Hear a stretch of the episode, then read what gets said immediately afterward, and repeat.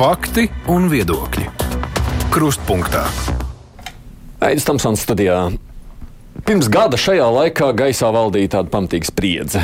Iepriekšējā vakarā Krieli, Krievijas televīzijā bija parādīta drošības padomas sēde, kurā valsts augstākās amatpersonas tur padevīgi klanījās Putinam, skaidrojot, kāpēc ir jāpalīdz Donbass iedzīvotājiem atgūt neatkarību, jeb iegūt neatkarību. Un tajā brīdī jau faktiski daudzi saprata, ka karš būs.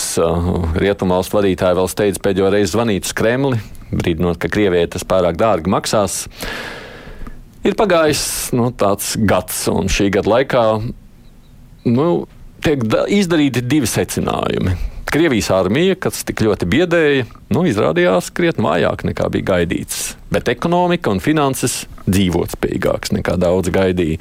Ukraina nav beigusi pastāvēt, un Krievija arī nav sabrukusi. Tās spējas pārvarēt finanšu un ekonomiskās sankcijas izrādījās lielākas nekā daudz sākumā domāja. Tādās kara gada dienas noskaņās mēs šodien runāsim par nu, gada vilšanos, ja tā varētu nodēvēt. Kāpēc rietumu sankciju ietekme bijusi vājāka nekā daudziem sākumā šķita? Шановні громадяни України, сьогодні вранці президент Путін оголосив проведення спеціальної військової операції на Донбасі.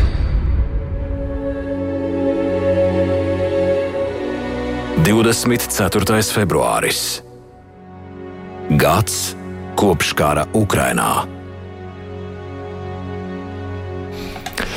Šodien man līdzās ir pieci sarunas dalībnieki. Ārlietu ministrijas pirmā divpusējo attiecību departamenta direktora Katrīna Plāte. Labdien jums!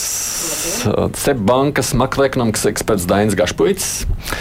Eiropas parlamenta viceprezidents Roberts Zīle. Labdien. Un pie otra galda savukārt advokāta biroja Kobalts Vērnāts, advokāts Edgars Pastars. Labdien. Un kolēģis žurnālists no Latvijas televīzijas raidījuma de facto Matīs Sarnsāns. Labdien! Nu, tagad, kad redzam, ir tā reālā situācija, kādi jau saka, nu, kā viss normāli, vai ne? Tātad sankcijas atstāja ietekmi ne uzreiz, arī jāpaiet gadiem, lai sajustu efektu. Bet, nu, pāršķirstot uh, arhīvu, arī radioarhīvu, ļoti labi var dzirdēt, ka tajās kara pirmajās dienās tās gaidas bija krietni lielākas. Uh, nu, protams, neviens jau neparedzēja, ka tas būs tāds ekonomikas kraks uzreiz, bet uh, nu, finansisti, ekonomisti, kurus mēs intervējām, arī politiķi sacīja, ka Krievijai karš būs tāds liels trieciens. Tātad milzīga inflācija, naudas trūkums, um, sabrukusi valūta, um, nabadzības pieaugums. Sakot, Krievija ilgi nespēs šo karu uzturēt, nec finansēt šo karu mašīnu. Nu, bija tā, vai ne? Atcerieties, Matīs. Tādas sarunas viss bija. bija. Nu, kur tas viss pazūd? Kāpēc tā? Nav. Nu, pagājis ir gads. Inflācija, man liekas, viņiem ir divreiz mazāk nekā pie mums. Es domāju, ka tas, tas jā, tās sākotnējās gaidas kaut kādā ziņā nav piepildījušās, bet, nu, ja neskaita tos, tos pirmos lēmumus, kas bija par tādu, teiksim, Krievijas centrālās bankas liela apmēra rezervju iesaldēšanu un tur, teiksim, sankcijas pret dažādām amatpersonām, tad tās pārējās sankcijas, kas skāra kaut kādas preču grupas varēja redzēt, ka tās, kas Krievijai ir nozīmīgākās, tās tika ieviestas pakāpeniski, tātad ogles. Naftas produkti tikai nu, tagad, pēdējos mēnešos, uh, tiek pakļauti sankcijām. Un, uh, nu, jo, jo šīs grupas arī bija svarīgas uh, rietumvalstīm, mm arī Eiropas Savienībai. Nu, gāze, kā mēs zinām, aizvien tiek uh, daudzās valstīs vēl pirkta, tajā skaitā caur Ukrainu uh, sūknēta. Uh, un, uh, nu, tad ir šobrīd mēs redzam kaut kādu tādu pirmo efektu. Tātad viens, viens liels bija teiksim, šie, šie te griestu noteikšana uh, naftas produktiem. Nu, tas kaut kādu tagad sāk efektu parādīt. Es domāju, ka nu, atliek gaidīt. Vēl ilgāk. Tā bija tā, tā, tāda skaļa retorika, sakot, nu, nu, nu būs, būs, būs ar tādu sajūtu, ka redz, mēs visu darām, bet realitātē nemaz tik ļoti. Es domāju, ka tas ir līdzīgi kā ar, ar militārās tehnikas piegādi Ukrainai, ka visi modās pakāpeniski.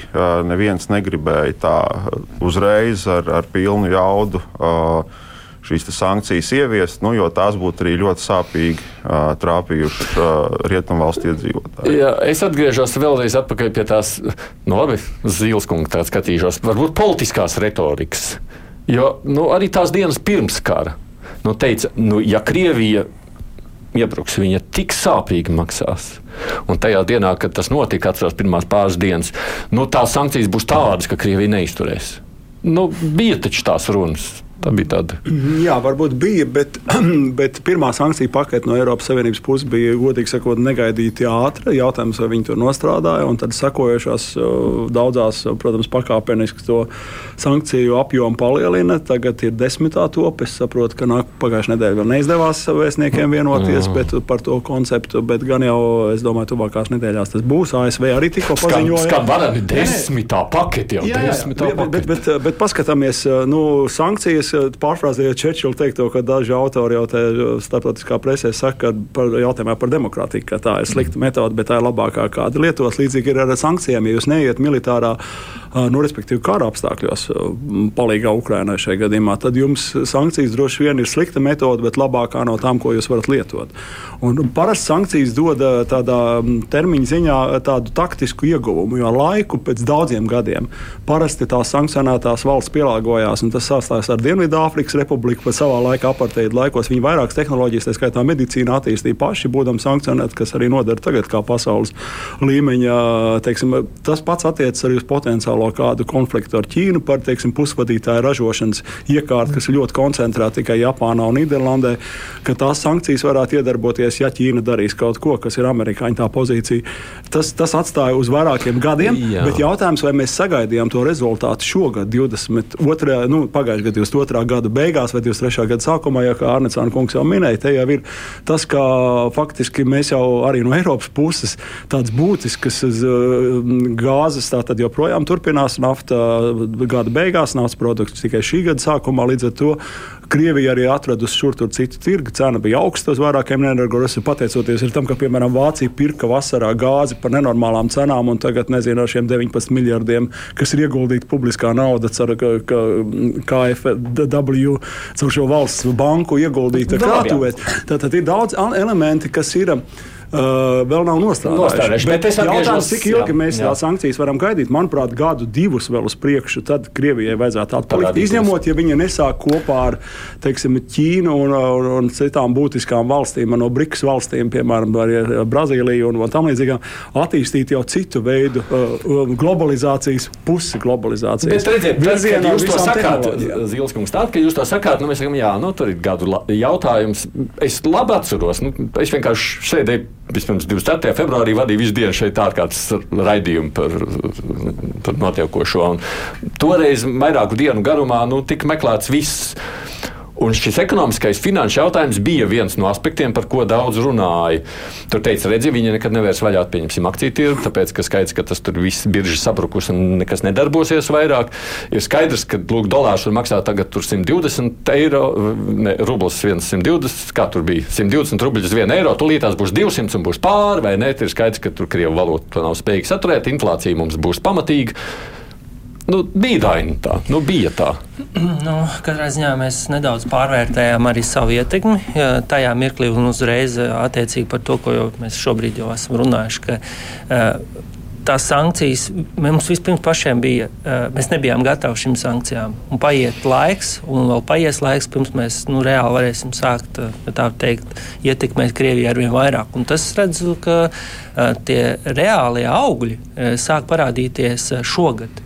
Ja, ja mēs paskatāmies, piemēram, janvāra budžeta deficītu šobrīd uh, Krievijai, ja, tad uh, janvārī jau vienā mēnesī ir 60% no budžeta deficīta, ko viņi plānoja vispār šogad. Tas nozīmē, to, ka tās sankcijas un tā ietekme eh, kaut kur nenostrādāja, kā mēs varbūt eh, plānojām, netik raiti. Mēs šobrīd runājam arī nedaudz tā. Ne, nu, Kāpēc nenostrādāja tik raiti? Nu, tādēļ, ka mēs varbūt tā iedomājamies, ka nu, eh, Eiropa ir tā kā viss. Nu, tiksim, Krievija atkarīga tikai no Eiropas. Bet mēs redzam, ka uh, arī šīs sankcijas dažādās valstīs ietekmē ļoti atšķirīgi. Nu, kaut vai paskatīsimies to pašu Latvijas eksportu pērn uz Krieviju.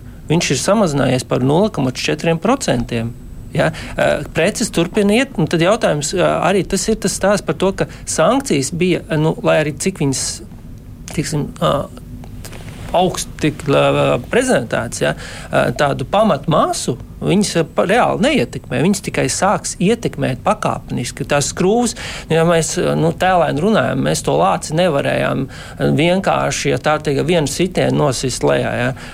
Te, tā, tā nav teikana, ko vienkārši izraujot ārā un ekonomika apstājās. Mums viņa ir jāžņaudz, un, un tā cena, arī ko mēs redzējām, kad runājām par šīm sankciju paketēm attiecībā uz gāzi un naftu. Un ASV un visu pasauli ļoti atklāti teica, ja, mēs nevaram vienkārši atslēgt, jo mēs iekļūsim vēl smagākās problēmās mm. nekā Krievija. Līdz ar to mums jārīkojas pragmatiski un jāskatās ilgākā posmā, jo skaidrs, ka um, nu, līdzīgi kā varbūt. Uh, mēs nedaudz, nevis nedaudz, bet diezgan būtiski pārvērtējam Krievijas armijas spējas, bet mēs par daudz novērtējam Krievijas eh, šo te, e, plānus, ko, kas bija redzami jau nu, 11 gadu laikā, ka viņi konsekventi tam gatavojās. Jūs saprotat, viņi gatavojās tam, jo neviena normāla valsts, es teiktu, nekrātu tādas rezerves vienkārši turot ļoti liela sabiedrība, un, ja tā teikt, tādā pusbadā, ja viņiem tās re rezerves nebūs vajadzīgas noteikti šādiem posmiem. Un, viņi, un, un otrs ir,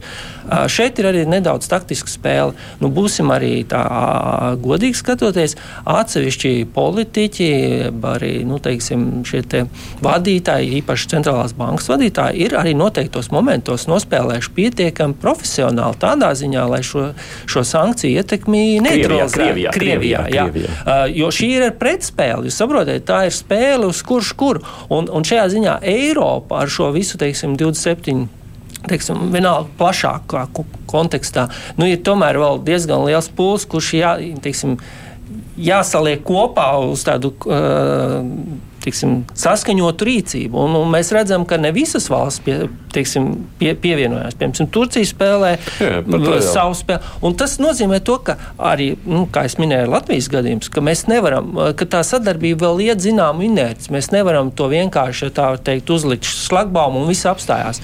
Līdz ar to mums ir jāpaturprātā arī sava, savas intereses. Ja, jo ir skaidrs, ka mēs nevarētu uzvarēt karu, ja, ja pie mums pašiem vai Eiropā vai pasaulē būtu diezgan liela teiksim, ekonomiskā krīze. Ne, bet sakot, tas, ko mēs secinām, ka Krievija izrādījās nu, atjautīgāka, gudrāka tajā finanšu pratībā nekā mēs domājām. Nu, kaut kā tā. Tā es secinu no jums sakot. Noteiktos aspektos, jā. Noteikti, jā. jā, jā droši nav vienīgais aspekts. Noteikti jāsaprot, nu, sankcijas jau nosaka Eiropas Savienība vienoti. Bet viņu piemērošana un ievērošana ir katras dalībvalsts atsevišķi, e, atsevišķā kompetence. Un tā arī ir problēma. tā arī ir problēma, jo, jo ne visas valstis bija vienādi gatavas metodiski pareizi piemērot sankcijas. Uh, Jo viena nav jau vairs sankcijas tā, ka tu atrodi kādā vieglā sarakstā personu un tu tev uzreiz ir skaidrs, ar ko drīkst vai nedrīkst sadarboties. Aizvien vairāk, pat lielākā daļa gadījumu, kad ir sankcijas piemērotas kādam uzņēmumam netiešā veidā, ir caur kontroli, kur persona pat nav īpašnieks, bet viņiem ir netiešā kontrole par šo uzņēmumu. Tur ir grūti atrast, tur jās, jāmāk atrast. Arī tur ir pretdarbība, viltus deinvestēšanās, 2% akciju pārdošana, man vairs nav 50%. Bet ir metodas, kā ar to cīnīties, bet ne visas valstis tās metodas pārzina. Ne visās valstīs Eiropas Savienībā bija gatavi pat nacionālajie regulējumi, lai saprātīgi reaģētu uz šiem izaicinājumiem. Un arī Latvijā var redzēt to, ka mēs esam teiktu, viena no visgatavākajām Eiropā tieši sankciju piemērošanā, kombinējot ASV un Eiropas pieeju.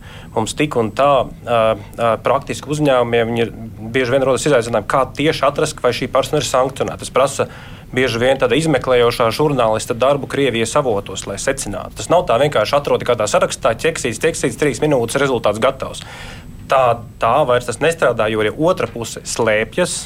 Izmanto visādus māju manevrus, sevišķas norēķinu schēmas, eh, trešo valstu izmantošanu un tam līdzīgi. Un, lai to visu ap, apjēgtu, ir vajadzīgi arī sagatavot speciālistus, kas uzņēmuma pusē Latvijā un citās dalībvalstīs spētu šo spētu šo noķert un neiesaistīties tajā. Un tā arī ir lieta, kur Krievija ļoti prasmīgi spēlējusi arī pretī. Mums e, mājas darbs nav bijis izdarīts pat visās dalībvalstīs. Sankciju pārkāpšana nebija krimināla sodāms pārkāpums. Tikai tagad, ar pēdējo, ar liekas, iepriekšējo sankciju paketi, sajūta jau pēc skaita, 8 vai 9, tas tika, tika noteikts, ka tas ir kriminālizējums. Līdz ar to mēs paši nebijām gatavi tam karam, ko mēs sākām sankciju frontē. Savi mājas darbi visās dalībvalstīs nebija izdarīti. Varbūt tikai dažās, kā Latvija, tās valstis, kas tagad gāja piekto manivālu novērtēšanas kārtu, kā mūsu kaimiņu valstis, kur jau tas jau bija, mēs bijām daudz gatavāki. Un vēl viens aspekts bija pārējais periodi. Viņi bija gari, varbūt viņus varēja īsāk uz dažām precēm. Un vēl treškārt šīs sankcijas ir veidotas pēc nu, teorijām, viņas sauc par gudrajām sankcijām. Tas nozīmē, ka ne, mēģina neietekmēt vietējo populāciju tajā valstī, kur sankcionē, bet mēģināt iet pret valdību, pret militāro, pret rūpniecību, kaut ko tādu, tā, kas veicina šo, kas darbina šo militāro mašīnu. Un jāteic, kā jau tika teikts, ka lielākā daļa, liela daļa preču, ne, ir daudz arī nenozīmīgu preču, kuras ir sankcionētas, kā tur kaut kāds salvets un tolis papīrs, bet zināmos virzienos ir sankcionēts. Bet, eh, bet, bet iespējams, ka jādomā arī par lielāku embargo tipu sankcijām kas jau ir tikai aizliegts, bet ar izņēmumiem. Bet arī tad mēs redzam, ka gan Venecuēla, gan Irāna, gan Ziemeļkoreja nu, nav tā, ka viņas iznīkušas visu šo gadu laikā, kad viņiem ir šīs smagās sankcijas ārlietu ministrija nav tiks pie vārda. Lai vispār priekšstats, nu, kāda ir jūsu kā ministrijas atbildība šajā? Jau, nu, šajā jautājumā. Lokā. Jā, viena lieta, ko uh, vēl kolēģi neminēja, es gribētu runāt par sankciju efektivitāti un sankciju um, nozīmi, ir faktiski tas, ka mēs aizmirstam sankciju politisko nozīme un politisko signālu, ko tas sūta. Jo šajā gadījumā mēs runājam pirmām kārtām par 27 Eiropas Savienības valstīm, kuras spēja vienoties par tiešām bezprecedenta sankcijām. Nu jau šobrīd mēs runājam par desmito sankciju kārtu, kas tiešām ir uh, ļoti būtisks, uh, būtisks signāls. Tajā pašā laikā mums ir jāatcerās, ka tā nav tikai Eiropas Savienība, tā ir uh, liela daļa starptautiskās sabiedrības kopumā, kas ir ieviesušas sankcijas tādā vai savādākā veidā pret Krieviju. Līdz ar to tā ir arī ļoti skaidra politiska pozīcija. Nu, signāls Krievijai, kur viņa nepārāk lasa, man gan izklausās. Uh, ņemot vērā to, cik daudz mēs dzirdam arī Krievijas amatpersonu retorikā un arī Krievijas propagandas retorikā atsaucas uz sankcijām, nu, neizskatās, ka viņiem tas arī nesāpētu. Jā, jā, bet nu, viņi saka, labi, tiksim pāri. Un viņai tiek pāri. Es domāju, ka tas būs jau tālākās diskusijas laikā, bet jautājums ir par to, ko viņiem tas maksā un kā tas ietekmē viņus ilgtermiņā. Jo es pilnībā piekrītu tam, ko kolēģi jau minēja, ka sankcijas tas ir ilgtermiņā strādājošs instruments. Bet ko vispār ārlietu ministrijā pie tā jautājuma, lai mums klausītājiem saprast, kas ir tas jūsu atbildības lokus? Noteikti vienkārši vienoties par Latvijas nostāju vai vēl kaut kas vairāk? Ah, tur ir daudz pakāpju, daudz pakāpju darbība. Pirmkārt, tas ir mūsu pašu pozīcijas formulēšana jautājumā par jaunu sankciju noteikšanu. Tad eh, neapšaubām tas ir līdzīgi domājošo valstu kopīgas nostājas eh, veidošana Eiropas Savienības ietvaros, jo ir jāņem vērā, ka mēs esam vieni no striktākajiem sankciju jautājumā. Un mums ir vajadzīgs, lai sankcijas būtu pēc iespējas spēcīgākas, jo, protams, ka karš Ukrainā skar mūsu vitālās intereses, varbūt atšķirībā no dažu citu partneru gadījumiem. Un uh, sekojoši mēs strādājam pie tā, lai nākamās sankciju paketes būtu pēc iespējas spēcīgākas. Da, bet, ja runājam par vienu lietu, ir politiskā griba, un otru tas, ko Pastarkungs sacījāt par to, nu, cik tā spēja apiet ar gribēšanu, vai nav tā, ka arī mūsu biznesa tiešām grib par to rūpēties? Tur, tur, nē, es teiktu, ka biznesā tā strādājot ar sankcijām jau gadus piecus, es teiktu, man bija šis bija pilnīgi lūzuma punkts. Iepriekš bija tā, nu kaut kur tālu, un priekš kā man to vajag. Nu, tiešām kaut kas ir man jā, jāveido kāda iekšējās kontrolas sistēma. Pēc 24. februāra bija mums kaut kas ir jādara, un mēs esam gatavi tam tērēt naudu. Mēs esam gatavi noformulēt savu riska apetīti krietni zemāku attiecībā uz Krieviju nekā citu. Bet ir viena lieta, kas ir palikusi uz galda. Tā ir uh, ja uzņēmējs saka, ka es iziešu no Krievijas tirgus šobrīd, bet, klau, bet kaimiņu valstī strādājošs uzņēmums, tur viņam, viņa valdība neuzskata, ka šis uzņēmums Krievijā ir sankcionēts, un, es, un viņš turpinās ar viņu strādāt. Uh mhm. -huh. Un šī netaisnība ir tas, kas biznesam šobrīd varbūt traucē vēl pieņemt izšķirīgākus lēmumus kaut kur, ka konkurence aizņems to vietu, jo savienībā tā piemērošana ir dažāda. tas ir ļoti negatīvi. Es gribētu tā vienotība, par ko tikko runājām. Piemērošanā viņa ne līdz galam ir. Varbūt noteikšanā viņa ir, bet eh, ievērošanā vēl ir daudz darba mhm. darām. Un tāpat arī uh, ir, protams, daļa biznesa, kurā, kurā izmanto vai labprāt iesaistās eh, apiešanas schēmās. To rāda ļoti precīzi finanšu izlūkošanas dienestā saņemto ziņojumu skaits par sankcijām, kas šeit arī ir publiska informācija. Mm. Viņš ir pieaudzis dramatiski, un tie ir simti gadījumi. Un tas nav tikai par tur, preču eh, importu, eksportu. Tie ir arī citi gadījumi. Tāpēc, eh, tāpēc teiktu tā, ka par to arī ziņo daudz vairāk tie cilvēki, kas neziņoja par sankciju pārkāpumiem, līdz šim, es, kā es saprotu, ir sākuši ziņot vairāk. Tāpēc arī cilvēkiem arī šī morālais kompass nostrādā, ka viņi redz, ka piemēram ārpakalpojumu grāmatā, redz, ka viņš apkalpoja uzņēmumu, ka uzņēmums neievēro šīs sankcijas. Viņš ir gatavs par viņu noziņot, pat riskēt ar savu biznesu. Un tā ir laba ziņa. Mm. Matīs. Es gribēju piebilst, nu, ka ne visos gadījumos arī uzņēmējs šeit Latvijā var pateikt, kur tā prece pēc tam non, nonāks. Nu, piemēram, es nezinu, nu, tirgo automašīnu rezerves daļas vai mobīlos telefonus. Ir bijis piemēram kaut kāds bizness ar Kazahstānu nelielos mm -hmm. apjomos, un tagad pēkšņi tās pasūtītās partijas, piemēram, ir divreiz lielākas, trīsreiz lielākas. Nu, kāds šim uzņēmējam ir pamats atteikties? Viņš jau nezina, kas pēc tam tālāk ar tām precēm notiks. Tur pēc tam viegli tās var šķērsot robežu un nonākt Krievijā. Ja par šo es varu piebilst, Jā. ir metodas, kā ar to var cīnīties, bet jāteic, ka nevienmēr izglītības līmenis tajos cilvēkos, kas veic šīs pārbaudas tieši uzņēmuma pusē, ka viņiem viņas ir pieejamas, jo Latvijā tāda, tādas vadlīniju nav.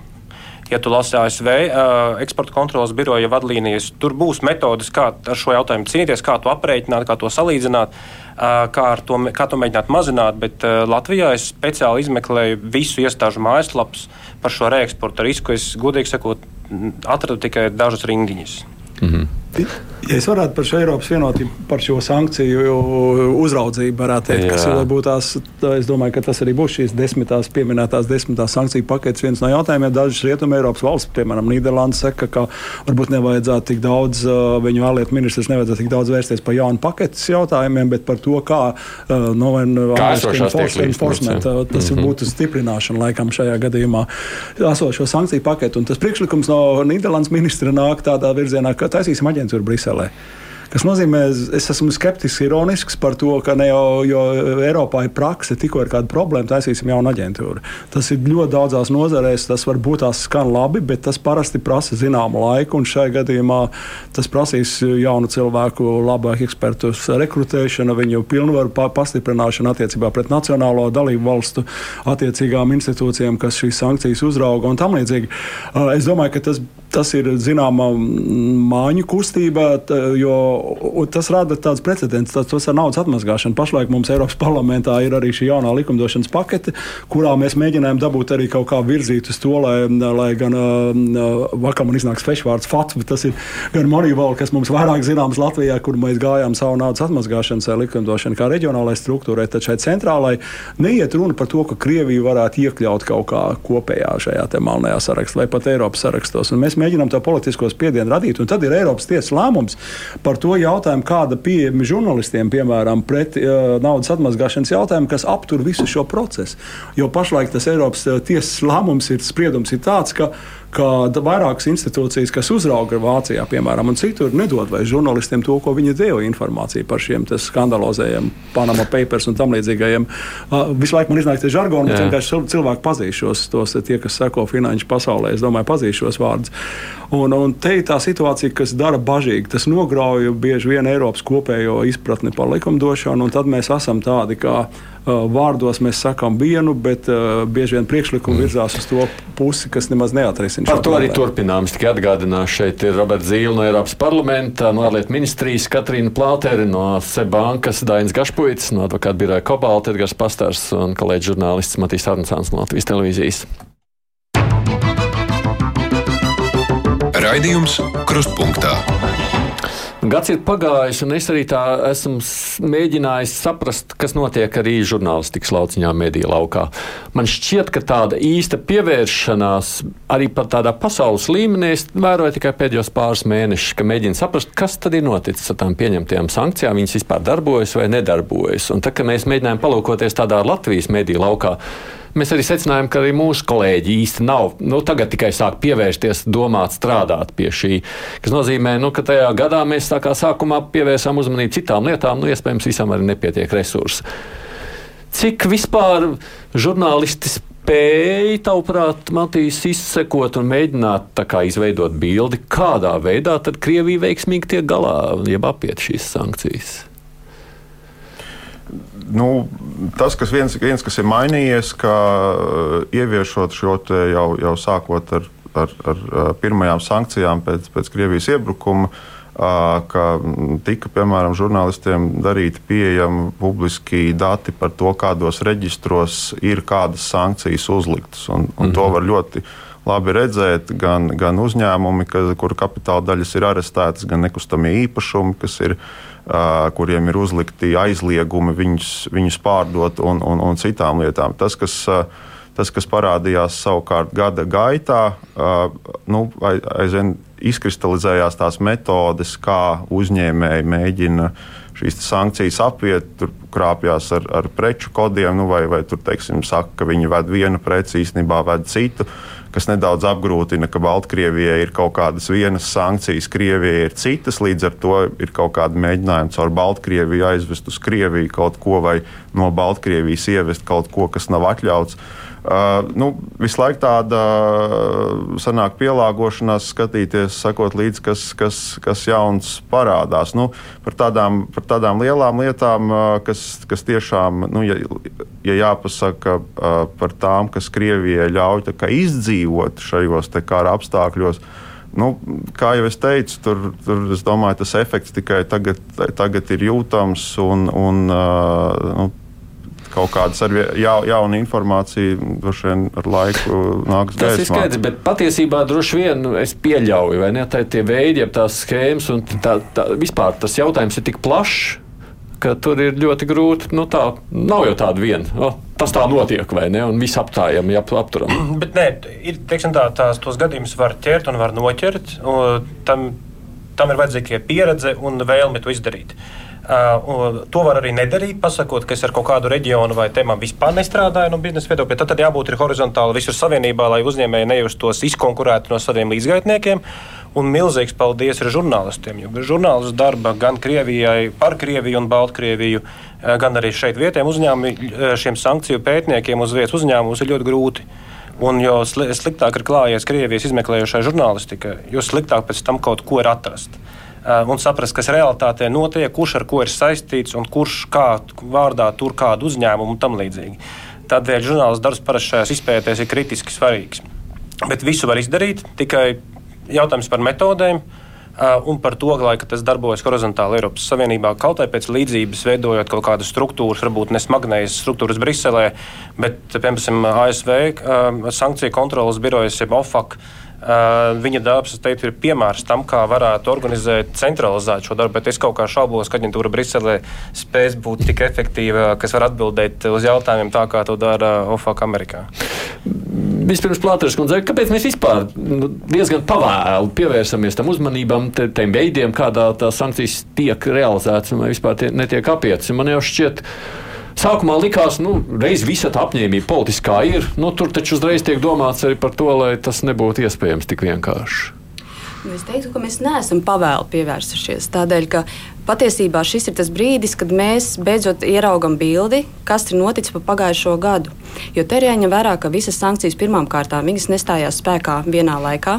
Bija dažādi pārējais periodi, mm. bija dažādi datumi ieviešanai. Līdz ar to šobrīd vēl pēdējās, pēdējās sankcijas, nu pat kā 5. februārī tika attiecībā uz naftas. Bet ieviešot jebkuras sankcijas, un tajā brīdī, kad vispār nāk ar iniciatīvu, vai tad netiek uzreiz domāts par iespējamiem apvedes ceļiem un to, kādā veidā viņas var vai nevar darboties? Šajā gadījumā diezgan būtiski ir tas, ka sankciju ieviešana ir atstāta katras valsts kompetencē. Nav pagaidām tādas centralizētas, vienotas Eiropas Savienības pieejas attiecībā uz sankciju ieviešanu. Un, uh, tas ir tas, ko arī mēs esam uh, šobrīd domājam, kādā veidā to varētu virzīt uz priekšu, ir attiecībā uz vienotām vadlīnijām, kas nāktu teiksim, no Eiropas komisijas, kur mēs varētu tad, uh, vairāk vai mazāk vienādot sankciju ieviešanas praksi.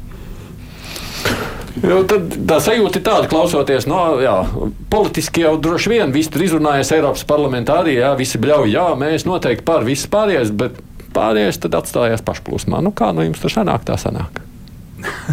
Nē, nu, ir, es domāju, ka lielā daļa Eiropas parlamenta deputātu pieskaita arī sevi pie tā. Mēs tiešām gribam ar to likumdošanu, kur mums ir tās tiesības, tātad komisijas priekšlikumu pilnveidot kopā ar padomu, ar ministriem, ar valdībām.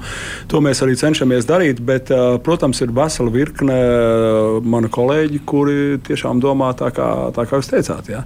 Kas ir galvenais, lai mani pārvēl uz nākošo reizi, un es būšu populārs savam elektorātam, vai es esmu galēji kreis, vai es esmu galēji zaļš un tam līdzīgi.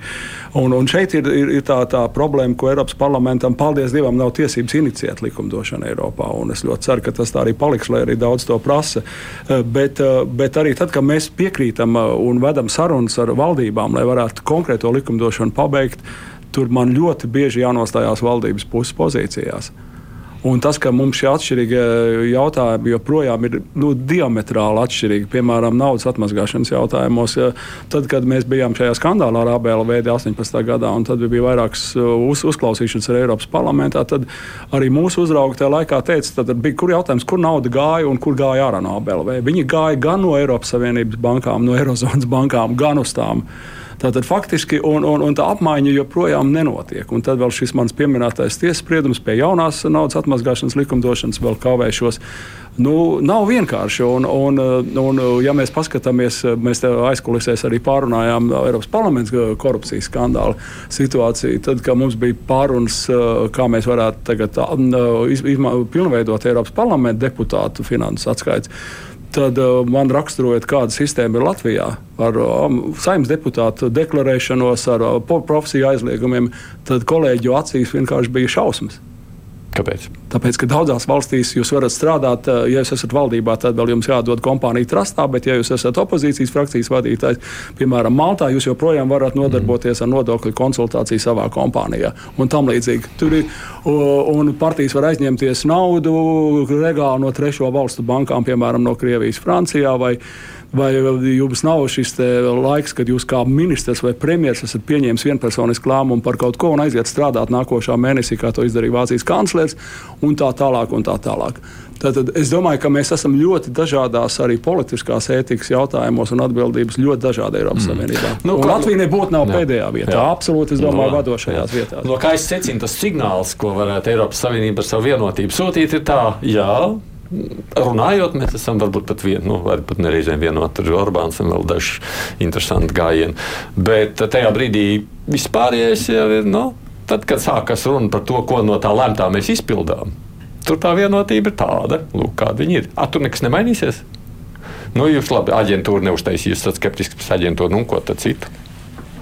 Nē, nu, viņu var taisīt, bet pirmkārt viņai jādod kompetence. Man arī no Latvijas valdības pieredzes satiksmes ministrā. Mēs vēl nebijām Eiropas Savienībā, bet bija konkrēti kuģa tankošana Ventspils ostā, kura var izplūst uh, naftas, uh, nafta vai naftas dīzeļus laikam tajā laikā. Viens jau bija izplūdis pie Spānijas krastiem. Un tad bija domstarpības. Mēs vēl nebijām Eiropas Savienībā starp Latvijas uh, jūras administrāciju un Eiropas Savienības jūras drošības aģentūru. Un tad bija jautājums, kurš pieņems lēmumu to kuģi neizlaist ārā no ostas un kurš par to maksās. Un tad Eiropas aģentūra neuzņēmās atbildību. Mūsēji saka, ja mēs tagad ņemsim, mums būs problēmas ar iestāšanos Eiropas Savienībā. Un savukārt jums jāpieņem eh, Eiropas aģentūra, saka, jums jāpieņem pašiem lēmums Latvijas, te, jo jūs tad atbildēsiet finansiāli. Nu, tās ir tās no, lietas, kurām mēs nedarītu. Ja, es, bet, uh, ja nav skaidra šī darīt? situācija, bet ko tad vajadzētu darīt? Kurš pieņem lēmumu par ko? Es domāju, ka ir jāiet uz priekšu, tātad vadlīnijas es piekrītu, tas ir vismaz solis uz priekšu, kas, kas ļautu dalību valstīm vienoti redzēt, kā sankcijas īstenot, uzraudzību šo te. Un, ja gadījumā kādai valstī ir aizdoms par to, ka kādas citas valsts neuzrauga, tad ir kaut kāds mehānisms, vismaz, ja ne tīri juridiski, bet politiski spie, izdarīt spiedienu uz to valsti un piemērot, lai viņa darbība notiktu atbilstoši vadlīnijām. Tas vismaz ir solis priekš, uz priekšu. Bet vienkārši veidot aģentūru, to var darīt, bet tas prasīs Nē. ilgu laiku. Viņai jādod juridiska kompetence šai aģentūrai, kāda viņai būs lielāks spēks pret dalību valstu kompetenci. Tas ir nu, vēl ir parlamentu vēlēšanas, Eiropas komisijas izmaiņas nākošais gads. Es domāju, ka tas tas ir ļoti nepiemērots laiks. Un ņemot vērā, ka sankciju teiksim, spēka ieviešanai jābūt un uzraudzībai nu. jābūt tuvākajā laikā, 23. laikā.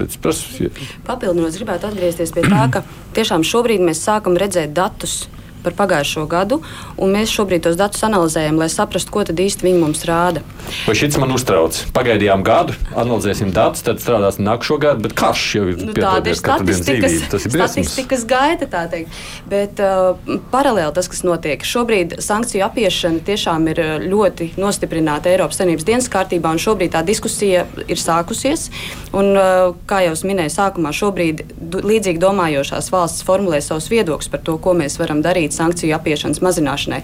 Līdz ar to tas ir solis uz priekšu un uh, tas ceļš turpinās.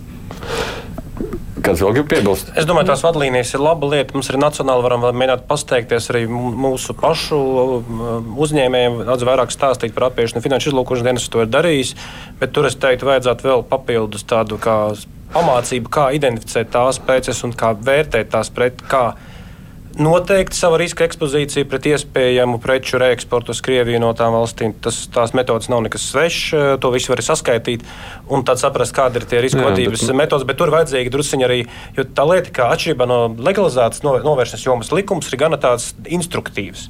Sankcijās ir viens teikums, ka vienam jārod sankcijas. Nu, un, un tur kādreiz bišķiņi prasās, varbūt tiem, kuri nav finanšu iestādes, kas ar to jau strādā sen, vai atsevišķas jomas, kas ir pie tā pieradušas, bet ir daļa, kurai vēl ir vajadzīga tā teikt, tāda palīdzīga roka to saprast un motivēt arī mācīties un praktiski to piemērot. Bet mēs pārāk daudz arī ceram, ka tās sankcijas eh, pēc būtības aha, atrisinās aha. Eh, to kara cēloni un kara darbību. Nu, esošo. Mēs ar vien mazāk ceram. Uh, jā, un katrā ziņā mm, es teiktu, ka, protams, daudz jēdzīgāk būtu pilnvērtīgāk īstenot esošās sankcijas, nekā tur taisīt tās paketes un pēc tam skatīties, kurš tad gala beigās mēs konstatējam, ka ir valsts, kas varbūt vispār laiž daudz, daudz ko caur, teiksim, uh, caur pirkstiem un tā tālāk, un ir tādas, kur būtu cītīgāk, bet es teiktu, ka tas kritiskais moments, kas bija un kas ir šobrīd pat nostrādājis necerēt veiksmīgi arī priekš mums, arī kā mūsu ekonomikai un arī šobrīd mājasēmniecībām, ir tas, ka mēs tomēr ieviesām, es domāju, Eiropa rietum šos cenu griestus naftai, naftas produktiem un arī, nu, zinām, mērā eh, nu, Krievija paša sankcionēja gāzes piegādes Eiropai, eh, kas šobrīd šķiet tomēr ir vērojams tiešām sākot ar šo gadu pastiprinātu stresu Kremlī. Tādā ziņā mēs redzam, ka pieaug dažādi spiedieni, pat, un pēc tiem lēmumiem var redzēt arī tādi absurdi lēmumi, kas rāda, ka tas spiediens šobrīd ir augošs un viņš jau ir milzīgs. Ja? Līdz ar to es teiktu, ka tie efekti ir un arī tieši skatoties piemēram no tām kompānijām, kas ir pašsankcionējušās ja?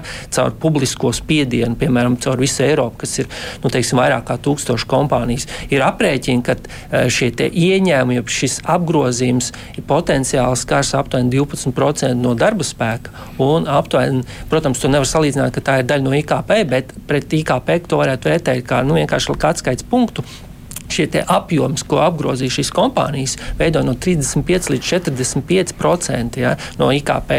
Ja. Tā kā tā apjoma, tas, tas potenciāls zudums, tas viss uh, veidojās diezgan pamatīgs.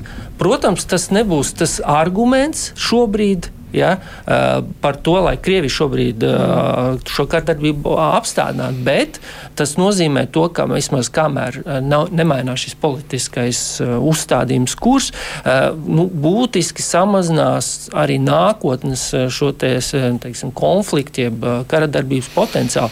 Un, un tas jau šobrīd mēs redzam diezgan nu, tā, virzās tajā mūsu vēlamajā gultnē.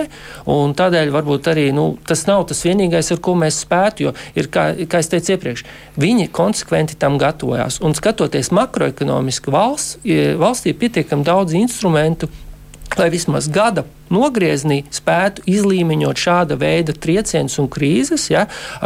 Kādēļ nu, nevajadzētu arī teiksim, teikt, ka nu, mēs kaut ko tādu nepareizi novērtējam, vai Krievija pēkšņi ļoti elastīgi. Viņiem bija resursi, viņi no, daudzas lietas var uz parādu uztaisīt un tā tālāk. Tas, tas, un, un arī tādēļ mēs redzam, ka vēl šobrīd ļoti daudz iedzīvotāji varbūt to īsti ikdienā vēl daudz nejūt, bet tas viss būs. Tam, tam, tas tam, tas nepaliks bez sekām. Mēs tūlītās parunāsim vēl mazliet, tikai vēl viens. Jā, es gribēju pateikt, ka ir tomēr uh, vairākas lietas, ko, ko nacionāli Latvijas mērogā vēl var darīt. Uh, nu, piemēram, viens piemērs, tagad, kas uh, pēdējā laikā izskanēja par uh, Piotra Avena porcelāna kolekciju. Es, piemēram, nezināju, ka viņam ir šāda kolekcija, jo mums nav nu, tāda porcelāna trauku reģistra. Nu, jo ir teiksim, CSDD reģistrs, gaisa kuģu reģistrs un, un citi. Uh, piemēram, uh, kas vēl pieder Piotram Avenam vai jebkuram citam sankcijām pakļautam uh, cilvēkam šeit, Latvijā, vai tur ir gleznas. Vai viņš viņus nemēģina kaut kur pārdot pa kaut kādiem nezinu, sludinājumu portāliem, vai vispār teiksim, šo te porcelānu vai viņu uh, ogres muzejs drīkstēja vest kaut kur izstādīt. Uh, Nu, šādi jautājumi, es šaubos, ka kāds ir arī, un, ja es pareizi izprotu to kārtību, kā tiek piemērotas sankcijas, es šaubos, ka kāds fiziski iegāja uh, avena vai, vai kāda cita sankcionēta persona īpašumā un apzīmogoja visas, mantas, kas tur atrodas. Līdz ar to Es eh, nu, apšaubu, ka ir tāda pilna bilde par, par visām mantām, kas eh, sankcijām pakļautām personām Latvijā pieder. Nu, par šo gan būtu piebilde vēl viena cita. Jā, es par šo piebildīšu. Man šķiet, ka bija arī pienākums. Es neatceros attiecās uz tādiem precēm kā traukiem, bet regulā bija pienākums sankcionētām personām pašatklāties. Ar, ja to viņi nedara un to noķert, viņi bija jākonficē šī aktīva. Bet es nevaru pateikt no galvas, vai tas attiecās uz traukiem. Bet otra lieta, ko mēs vēl varam darīt, ko Ukrainas valdība dara ļoti palīdzīgi sankciju jomā, Sagatav, man šķiet, ka ir Ukraiņas valdības sagatavotas lapas, protams, vairāk, vairākas lapas, kurās ir daudz informācijas par Krievijas uzņēmumiem un personām, kur viņas tiek proaktīvi ieliktas, lai izme, personām, kas viņas meklē Eiropā, būtu ātrāka bilde par to, kas tur īsti ir, kurš ir sankcijās netieši, kurš ir ar kaut ko saistīts. Eh, ja arī mēs kaut kā no savas puses mēģinātu veidot kaut kādas neformālas, nu, neoficiālas valdības stāsts, bet kurā informācija parādās pietiekami lielā apjomā, kas būtu izmantojama praktiskās izpētēs, tas bieži vien būtu ātrāk noderīgs, jo galvenā problēma ir atrast to, to adatu sienu kaudzē. Nu, lūk, bet par adatu sienu kaudzē, un turpinot vēl Matīs sacīto, man, lai cik nepatīk par tām, nu, tādām nepatīkamajām lietām runāt, bet tā vēl viena lieta, kas neapšaubām šī gada kontekstā, atceramies kara pirmajās dienās, iesaldēja 300 miljardus, ja es pareizi atceros to summu. Nu, tagad mēs esam secinājuši, ka mums nezinām, vai tie 300 miljardi ir, kur viņi ir, kas viņi ir, nekas nav iesaldēts, atrast ir tikai 80 līdz 100 miljardi. Izrādās, ka 200 miljardi pazuduši. Tā arī tāda vienkārši bija tāda kā latviešu to varētu nosaukt? Pakāpienas nav tā, nu, kā Latvija atrodiet man vārdu, tagad tāda izrādīšanās. Piedodiet, jā, nu, tikai gribējās mazliet viņa tā, nu tā. Tas nav, Latvijā, tas nav Latvijā. Latvijā ir saldētā nauda tur, kur jā. viņa ir. Jā. Jā. Bet kas nozīmē, ka mēs pati, nu, ka ļoti daudz, kas kara sākumā bija tāda, jā, bet realitātē jau pie nemaz nezinām, kāda ir realitāte. Nu, kā tā var tā būt? Problēma jau ir tāda, ka centrālās bankas jau pašas bieži vien ne, ne, nenodarbojas ar šo aktīvu izvietošanu, tā tālāk to dara caur dažādiem aģentiem, jau nu, starpniekiem, kas to dara. Un, protams, ka, ja, kad runājām par šo iesaldēšanu, visticamāk, protams, arī ierēģi paskatījās, ka ir tik deklarēts un tur tā potenciāli vajadzētu būt. Mēs izsniedzam sankcijas, un tad automātiski pieņemam, ka tas ir nosankcionēts. Bet tā kā tur mēs jau šobrīd redzam, ka daudzas lietas ir tādas, kur tu vēl īsti precīzi nevar noteikt, un tas bieži vien iet caur dažādiem starpniekiem, tad noteikti, ka to um, tā nauda, tie resursi vai aktīvi, viņi vienkārši daudz kur aizpeldēja citur, kur, kur jutās drošāk. Un, un tas ir tas stāsts daļa no sankcijas, kādēļ mēs redzam, ka viņas nav vispārīgas, ja, ka viņa, viņas, viņas ir ar saviem trūkumiem. Tad es arī teicu, ka nu, mums kā Eiropiešiem nevajadzētu ar sevi pārvērtēt, ka mēs tagad spēsim pilnā mērā nu, teiksim, nosmucēt Krievijas ekonomiku, jo viņi tomēr, lai ar ko mēs skatītos, ir starp pasaules lielākajām ekonomikām. Viņai, viņai apkārt ir ekonomikas un ir cits nu, savā orbītā un ir izējas kanāli uz citām ekonomikām, kas, kur zinām funkcionēšana notiek. Tā kā tur, teiksim, Nā, jā, bet tad reizēm tāds sajūta, nu, tad vajag mazāk ļaustīties, sacīt, redz, mēs tad tūlīt Ne, nu jautājums jau, kurš, kurš, kurš bļaustījās par to iesaldēts, ir viena lieta, un konfiscēts ir kaut kas cits. Jo es man varu palabot, ja? bet kā ekonomists es saprotu arī to atšķirību. Un, un skaidrs, ka tas, ka pirmajā brīdī pietika ar iesaldēts, kas manuprāt bija labs solis, cita lieta, ka tur es piekrītu, droši vien, ka nav grūti viegli atrast pat centrālo banku. Nav jau atrast, kur iesaldēts. Un kur nu vēl ir juridiskās un fiziskās personas no Krievijas, kas ir sankcionētas un kurām arī ir dažādi veidi aktīvi un, un kuras, kur ir iesaldētiem, jābūt bijis visiem. Uh, tas ir viens jautājums jautājums. Bet, bet tad uh, nākošais jautājums, protams, un tas briest, kā Ukrainai atdot šo naudu, kas ir un konfiscēt šo lietu. Un tur ir, manuprāt, divas daļas, kā es saprotu, juristi. Nē, tā ir saka, cita lieta, tā ir cita lieta, bet mēs jau sakām, ka mēs atdosim naudu, konfiscēsim, bet mums Nē, nemaz viņa tas nav. ir tas Viņa jau pat nav atrasta, tur jau nav ko konfiscēt. Nu, tā nav, ka gan nemaz nav atrasta. Nu, kaut kas ir atrasts. sāk Trešā daļa ir atrasta. Dažādu valstu izteikumi, arī tās, kas nav Eiropas. Mēs Šveici, piemēram, kur saka, ka viņiem pat koncepcionāli ir grūti vērsties pret uh, valsts, uh. Krievijas valsts uh, aktīviem.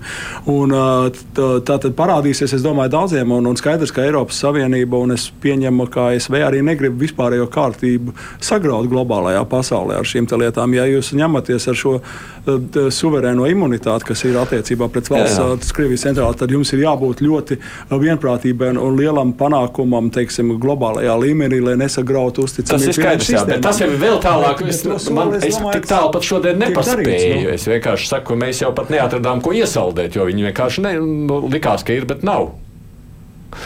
Bet, ja runājam par Latviju, mēs esam patiešām atraduši visu, kas mums ir. Ir tāda pārliecība jums, pieņemsim, kā ārlietu ministrijas pārstāvji. Nu, šis ir tas jautājums, kur man būs ļoti grūti komentēt. Grūti komentēt. Jā. Būtu jā. interesanti zināt, Vai tā pašatklāšanās pienākums, kas bija regulāri, kāda tam ir rezultāti. Es gudīgi sakot, neesmu par to, varbūt mēdī par to interesējušies, jo bija pienākums līdz šķiet septembrim kaut kuram ā, pašatklāt savus aktīvus. Ja tas nav noticis, tad viņi ir uzskatām par apiešanu. Līdz ar to tas ir krimināls process, un līdz ar to viņi ir konfiscējami. Mm. Varbūt arī porcelāns. Bet, jā, nu es pieņemu, ka tur viens trauks ir gana vērtīgs. Ka tas ir jautājums, kā tas dzīvē ir bijis. Jo bija ārlietu ministrijas paziņojums, ka ārlietu ministrijā ir jāpiesaka šie, šie pašatklāšanās aktīvi. Kādi tur bijuši rezultāti, man nav ne mazākās jausmas. Ir kāds komentārs? Nu, manā Arī rīcībā nav jā. tādas informācijas par to, ka mums būtu šādi gadījumi. Redzi, man liekas, Matīs, mums te vispār ļoti daudz, kur žurnālistiem būtu ko darīt. Kā tev izskatās, tu būsi spēj pievērsties mūsu kolēģiem, vispār skatīties, nu, kas ir darīts un kas Tā nav. teikt, uh, gadījums no gadījuma jāšķitina, un tad jau nu, tur nav, nav īsti cita iespēja. Vai ne? Bet eh, es jā, redzu, laiks ir aizskrējis un gribas jau mazliet kaut ko pozitīvāku tajā visā sadaļā. Es nezinu, tas gan, protams, varbūt ne pārāk, bet jūs sakāt, tā ietekme būtu tagad jājūt šogad vairāk daini.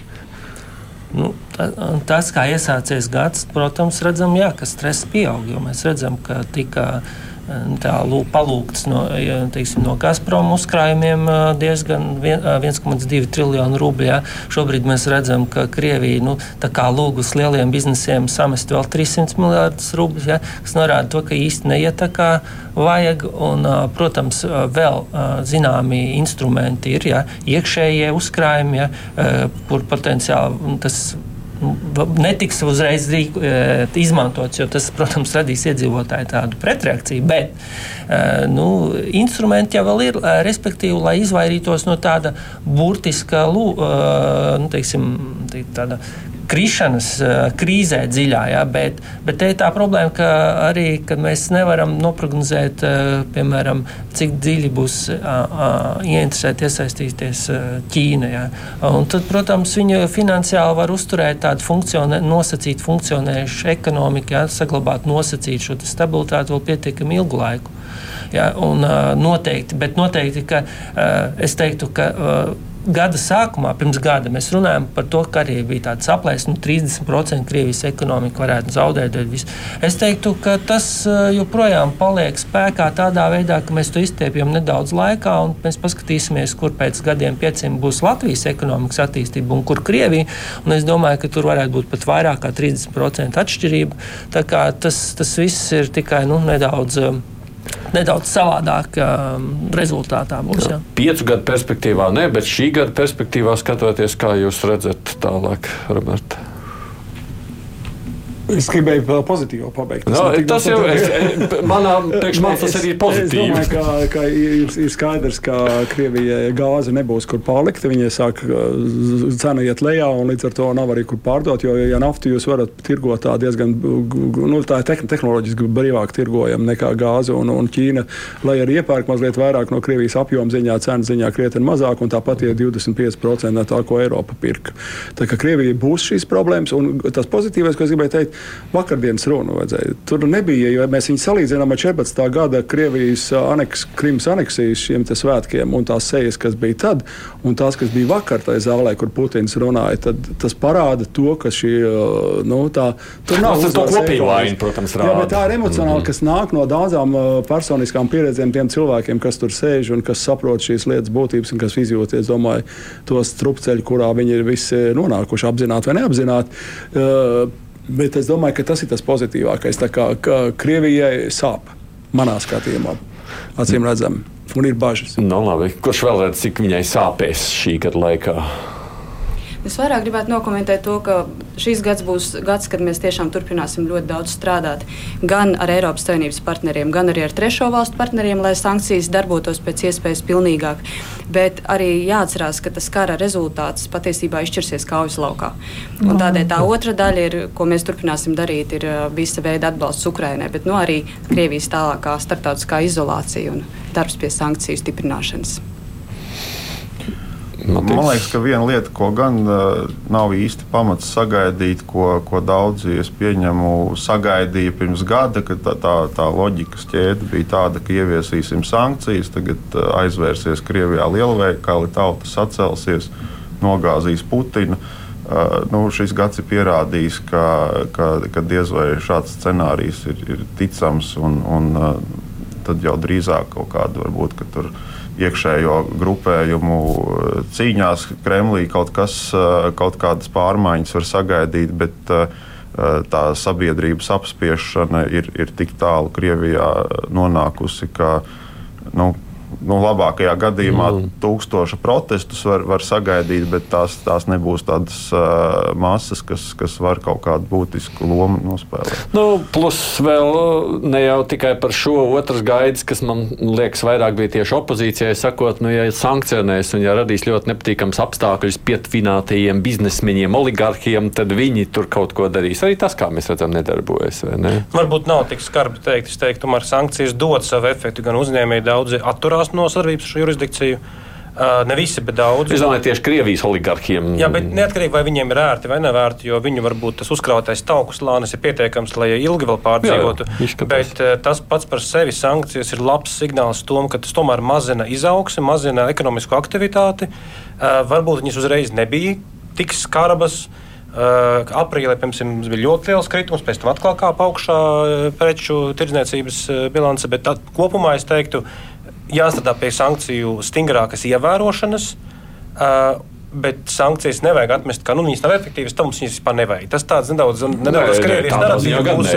Es teiktu, ka viņas, viņas, viņas pilda savu funkciju kaut kādā mērā, varbūt ne tik stipri kā gribētu, bet bez viņām būtu Krievijai daudz, daudz labāk. Runājot par tiem vienkāršiem cilvēkiem, pēdējā minūtē vēl skatoties, nu, kā mums saka, ah, tā kā aptaujā ļauts ienē, es neko neesmu jutis šobrīd nekādu ietekmi. Viņi jutīs kaut kad.